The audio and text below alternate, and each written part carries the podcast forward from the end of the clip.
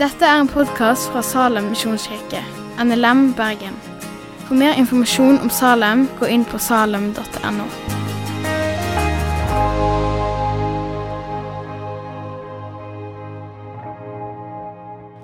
Jeg får si god søndag jeg òg til, til dere alle sammen. Det er kjekt å stå her og se at salen er såpass full. Det er kjekt. Ehm, det er jo et fast eh, fenomen i Salem når eh, semesteret, altså studiesemesteret er ferdig på våren, så er det en del som reiser fra byen eh, og skal videre. og jeg får, har i løpet av mange år hatt en glede å reise rundt i Norge. Jeg har reist rundt på misjonsfeltene våre, og nesten hvor jeg kommer, så møter jeg folk som har gått i Salem i kortere eller lengre periode. Og Veldig ofte så er tilbakemeldingen Salem var med og bevarte oss gjennom studietiden. Det må skal vi ta med oss at vi har den funksjonen i fellesskapet. Selv om det kan være trist å sende ifra oss gode folk som har vært med og bidratt til fellesskapet vårt, så har vi en funksjon både til å bevare, utruste og sende. Eh, og Det er det som er eh, det siste som er temaet vårt i dag. Sende. og Derfor har jeg blitt bedt om å si litt om akkurat det å sende. Eh, og Vi skal lese teksten som jeg kommer til å ta utgangspunkt i. Jeg kommer ikke til å gå inn på alt det, for denne teksten er veldig metta med mye innhold. Men jeg håper at det går fram etter hvert som hva som er hovedfokuset mitt i det som jeg ønsker å formidle. Og Vi leser i Jesu navn fra Johannes 17, 13-23. Nå kommer jeg til deg, men dette sier jeg medan jeg er i verden, så de skal ha mi glede i seg i fullt mål. Jeg har gitt deg ditt ord, men verden hater deg fordi de ikke er av verden, slik jeg ikke er av verden. Jeg ber ikke at du skal ta deg ut av verden, men at du må vare deg fra det vonde. Det er ikke av verden, slik jeg ikke er av verden. Helga deg i sanninga, ditt ord er sanning. Som du har sendt meg til verden, har jeg sendt deg til verden. Jeg helger meg for deg, så de òg skal helgast i sanninga. Jeg ber ikke bare for disse, men for alle de som gjennom deres ord kommer til tro på meg jeg ber at de alle må være ett, slik du, Far, er i meg og jeg i deg. Slik skal de òg være i oss, så verden skal tru at du har sendt meg. Den herligdommen som du har gitt meg, har jeg gitt deg, så de skal være ett, slik som vi er ett. Jeg i deg og du i meg, så de helt og fullt kan være ett. Da skal være skjønne at du har sendt meg, og at du har elska deg slik som du elsker meg. En får lyst til å si wow, amen til en sånn tekst. Ehm, men det som jeg har lyst til å starte med, er å spørre dette spørsmålet. Hva inntrykk er det himmelen har av den verden som du og jeg befinner oss i? Hvordan framstiller himmelen ehm, den realiteten som du og jeg vandrer i til daglig? Det er ett ord som Bibelen karakteriserer vår verden ved, og det er mørker. Vi mangler lys. Og vi får framstilt oss mennesker som snublende, fallende rundt i mørket. Vi finner ikke vår sanne vei. Nå kan jo det være vanskelig på en dag som denne å liksom helt ta inn over seg når sola skinner nesten 24 timer i døgnet og vi har nok lys til å se både hvor vi går, men i det himmelske perspektiv så er det mørket som preger vår verden. Um, himmelen derimot er lys, og der finnes det ikke mørke. I det utdraget av Johannes 17 som vi kaller for Jesu øversteprestlige bønn, så får vi et unikt innblikk i hvordan Jesus ber, og hvordan han snakker med sin himmelske far. Og I det utdraget vi har lest, så får vi helt klart innblikk i at Jesus erkjenner at den verden som vi mennesker er i, er forskjellig fra den verden som Gud har ført inn i verden. Denne verden og Guds rike er to forskjellige dimensjoner, preget av på ene siden mørke og den andre siden lys. I denne verden er det mørke, og i Guds rike er det lys. Og I denne kontrasten er det Jesus da ser sine læresveiner stå mellom mørket i denne verden og det lys som han har gitt dem inn i livene sine. Johannes 8,12. Igjen taler Jesus til folk og sa, 'Jeg er lyset i verden.' 'Den som følger meg, skal ikke vandre i mørket, men ha livsens lys.' Dette var det profetert om i Det gamle sementet. Jesaja 9,2.: Det folket som går i mørket, ser et stort lys. Over de som bor i dødsskuggens land, stråler lyset fram. Håpet og løftet om at en dag skulle lyset komme til verden, var tent. Det sanne lyset som lyser for hvert menneske, kom nå til verden. Vi kan tatt masse, mange mange bibelvers som, som på en måte understreker det jeg prøvde å si, at eh, himmelen ser på vår virkelighet som mørk, men vi trenger lys. Og Vi kan spørre hva består vårt mørke av? Hva er det himmelen ser med denne vår verden, som gjør at de karakteriserer det som mørkt? Svaret bl.a. finner vi i Johannes 3, 19. Og dette er dommen. Lyset er kommet til verden, og mennesket elsker mørket mer enn lyset. For gjerningene deres er, eller var, vonde. Så det er det himmelen ser, at gjerningene i denne verden er vonde. Og Det er kanskje ikke så vanskelig å oppdage mørket sett fra dette perspektiv i verden rundt oss. Vi lever i en tid der krig, grusomheter på krigens arena slår oss i møte nesten daglig. Det er undertrykking, Urettferdighet, drap, hat, overgrep, umoral, sykdom, lidelse og død er en del av virkeligheten i denne verden. Og Det er det himmelen ser som det mørke som vi finner oss i. Altså Det er kanskje vanskeligere å helt erkjenne mørket i oss. For det òg snakker Bibelen om. Det er et mørke i oss. Men hvis vi i sannhet setter oss ned og tenker gjennom mitt liv, så må jeg erkjenne at jo, det er et mørke i meg òg. Lyste, begjær, misunning, hat, uforsonlighet, ukjærlighet, baktaling, strid osv. osv. Det er i meg. Og hvis jeg våger å bruke Guds lov, Guds tilbud, som speil, så skjønner jeg at mørket i meg er uendelig mørkt. Den gode nyheten som himmelen ønsker å formidle til oss, er at lyset er kommet til verden. Jesus kom til verden med sitt lys. Og det er nettopp der i himmelen forkynner oss frelse. For så elsker Gud verden, at han gav Sønnen sin den enbårne, så hver den som tror på Han, ikke skal gå fortapt, men ha evig liv. Gud sendte ikke Sønnen sin til verden for at han skulle døme verden, men for at verden skulle bli frelst ved han. Den som tror på han, blir ikke dømt. Den som ikke tror, er alt dømt, fordi han ikke har trodd på navnet til Guds enbårne sønn.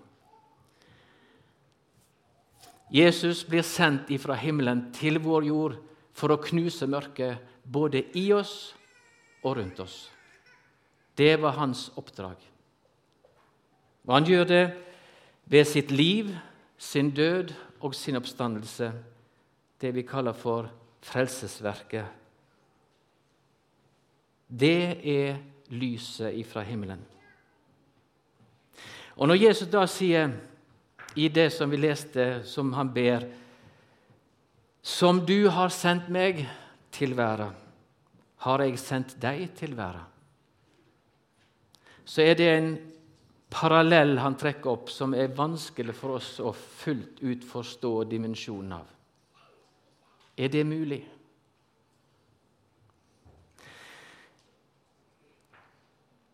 Og Han taler til oss som er kommet til å tro på Han, som er gått over fra mørket til lyset, som har fått del i dette lyset.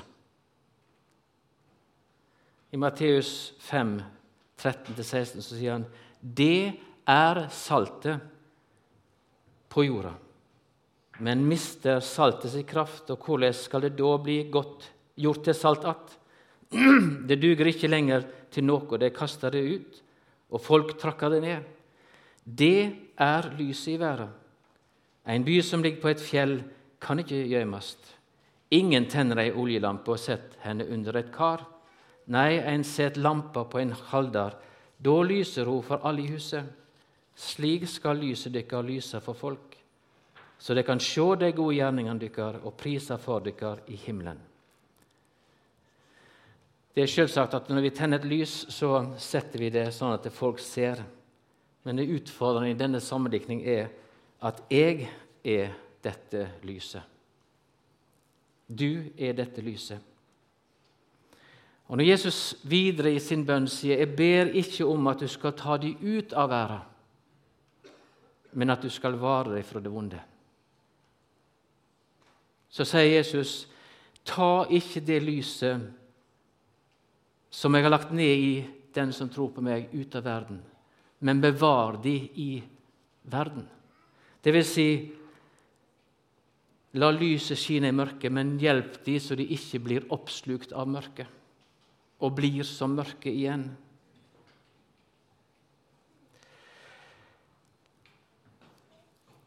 I Matteus 11, 5, så svarer Jesus på spørsmålet om Guds rike kommer ned, og så sier han, eller om lyset kom til verden, for å si det på en annen måte. Blinde ser, og lammet går. Spedalske blir reine, og døve hører. Døde står opp, og den gode budskapen, evangeliet, blir forkynt for fattige. Det er det himmelske lys som demonstrerer at mørket har ikke siste ord. Mørket kan ikke fortrenge lyset. Og så er det ofte vi tenker at eh, det er ved våre gjerninger og det vi sier, at vi virkelig er lys og salt. Og Det er mye sant i at vi, vi er vitner.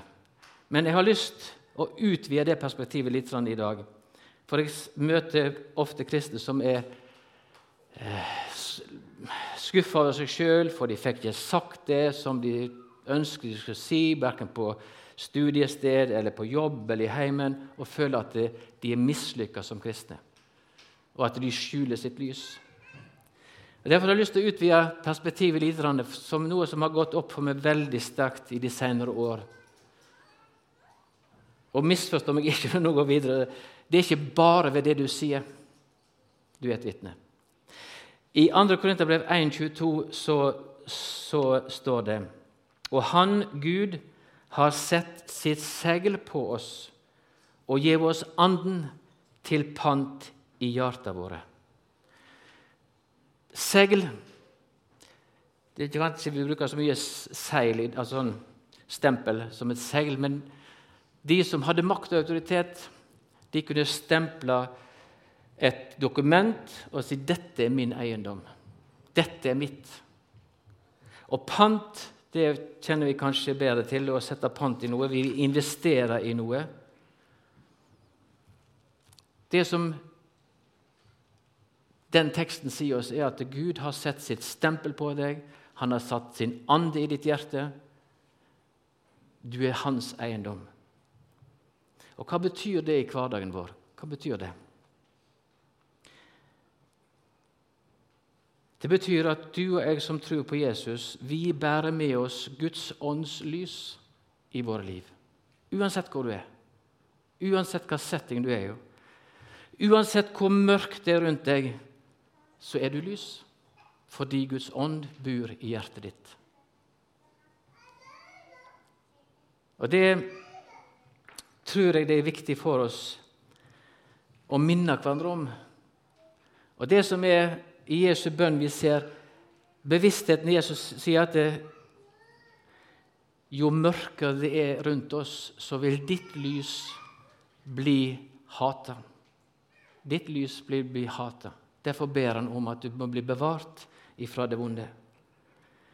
Og Vi ser det hatet, eller den reaksjonen som kom fra åndeverden, altså den falne åndeverden, når Jesus vandrer fram. Uten at han har provosert noe, uten at han har sagt noe, så avslører de ureine åndene seg i møte med han. I Apostelene 19 så er det noen sønner av øverstepresten Skewas som prøver med åndemaning i navnet til den Jesus som Paulus forkynner. De kan lese det sjøl. Men hva skjer? De var ikke, det er ikke Guds ånd. Men den ånd som de prøver å drive ut, avslører de, og så sier ånden til dem, 'Jesus kjenner jeg, og Paulus vet jeg om, men hvem er det?' Det betyr at åndeverden kjenner hvem som bærer Guds ånd. Og den som ikke har Guds ånd, blir avslørt. Men den som har Guds ånd, er et vitne, et lys, et salt i denne verden. En av utsendingene våre Mona og meg var på en tur til Indonesia i januar og februar. Og En av utsendingene våre der forteller en ganske sterk historie. Han går rundt i byen der han bor, i bønn for byen, for arbeidet han står i. Han lukker ikke øynene, han folder ikke hendene, går normalt og ber inni seg. Plutselig så er det en mann som uten forvarsel kommer mot han mørk i øynene og, og truer han. 'Slutt med det du driver på med.' Det er et vitnesbyrd om at her er en ånd som kjente den ånd som bodde i han, og kjente seg provosert. Og I dag har vi utsendinger som er sendt ut til det vi kaller for lukka land.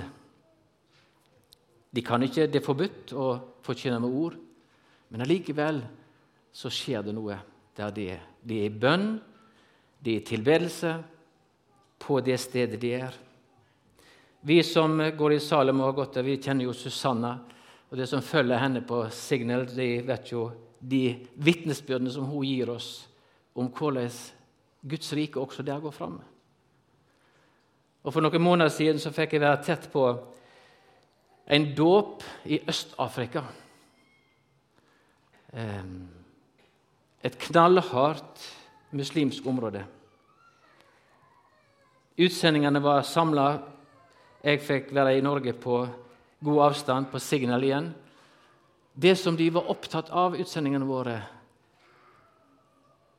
var dette spørsmålet at Den hellige ånd som bor i dem, var sterkere enn det mørket som rådde i den personen som kjempa en åndskamp. Og Så fikk vi snakke om det, og så fikk vi bevisstgjøre oss på det at jo, den ånd som bor i deg, er sterkere enn den som er i verden. Og så fikk de lov til å gå til stranden og foreta en dåp.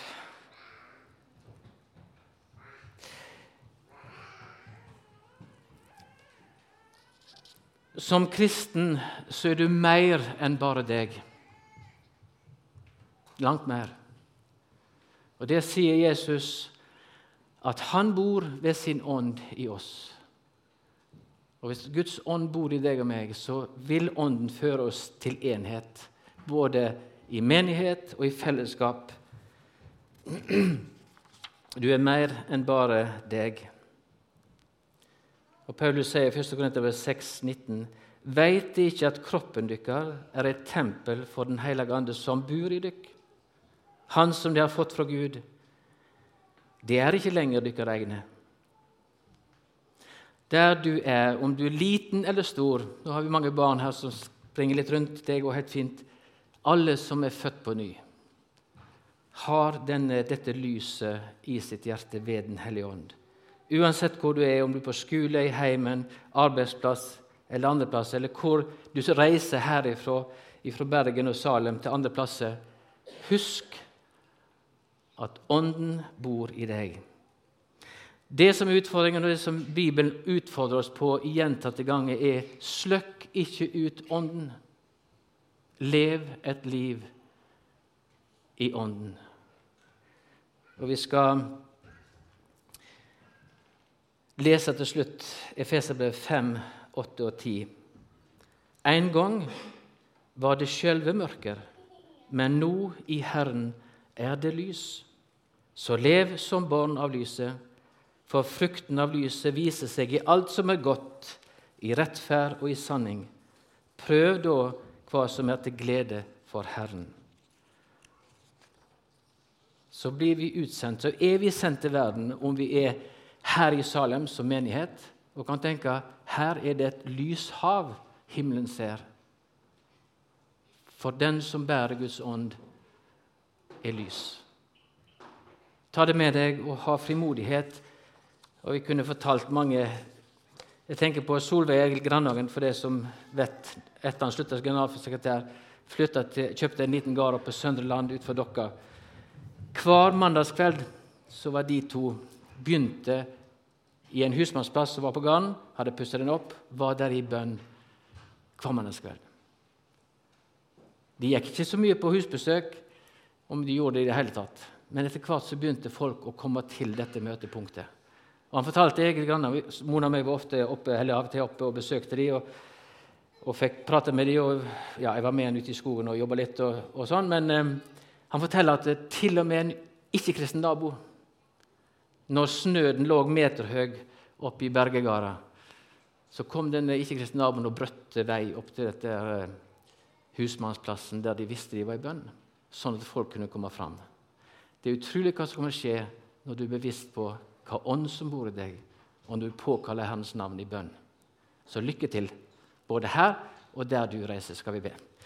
Herre Jesus, vi takker deg for din gode gave til oss. Takk for at du ved din ånd har oppløst vårt sinn, både om mørket i oss, men òg mørket rundt oss. Og Nå ber vi først og fremst Ånden at du avslører mørket i oss, så vi blir lys.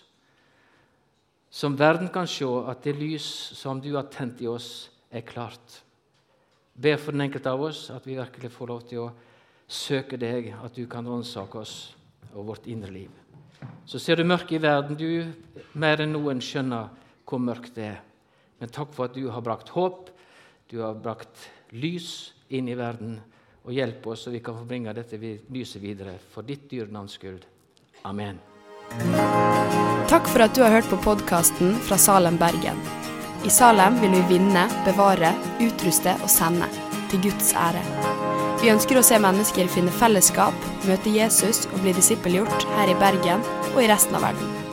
Vil du vite mer om oss, gå inn på salem.no.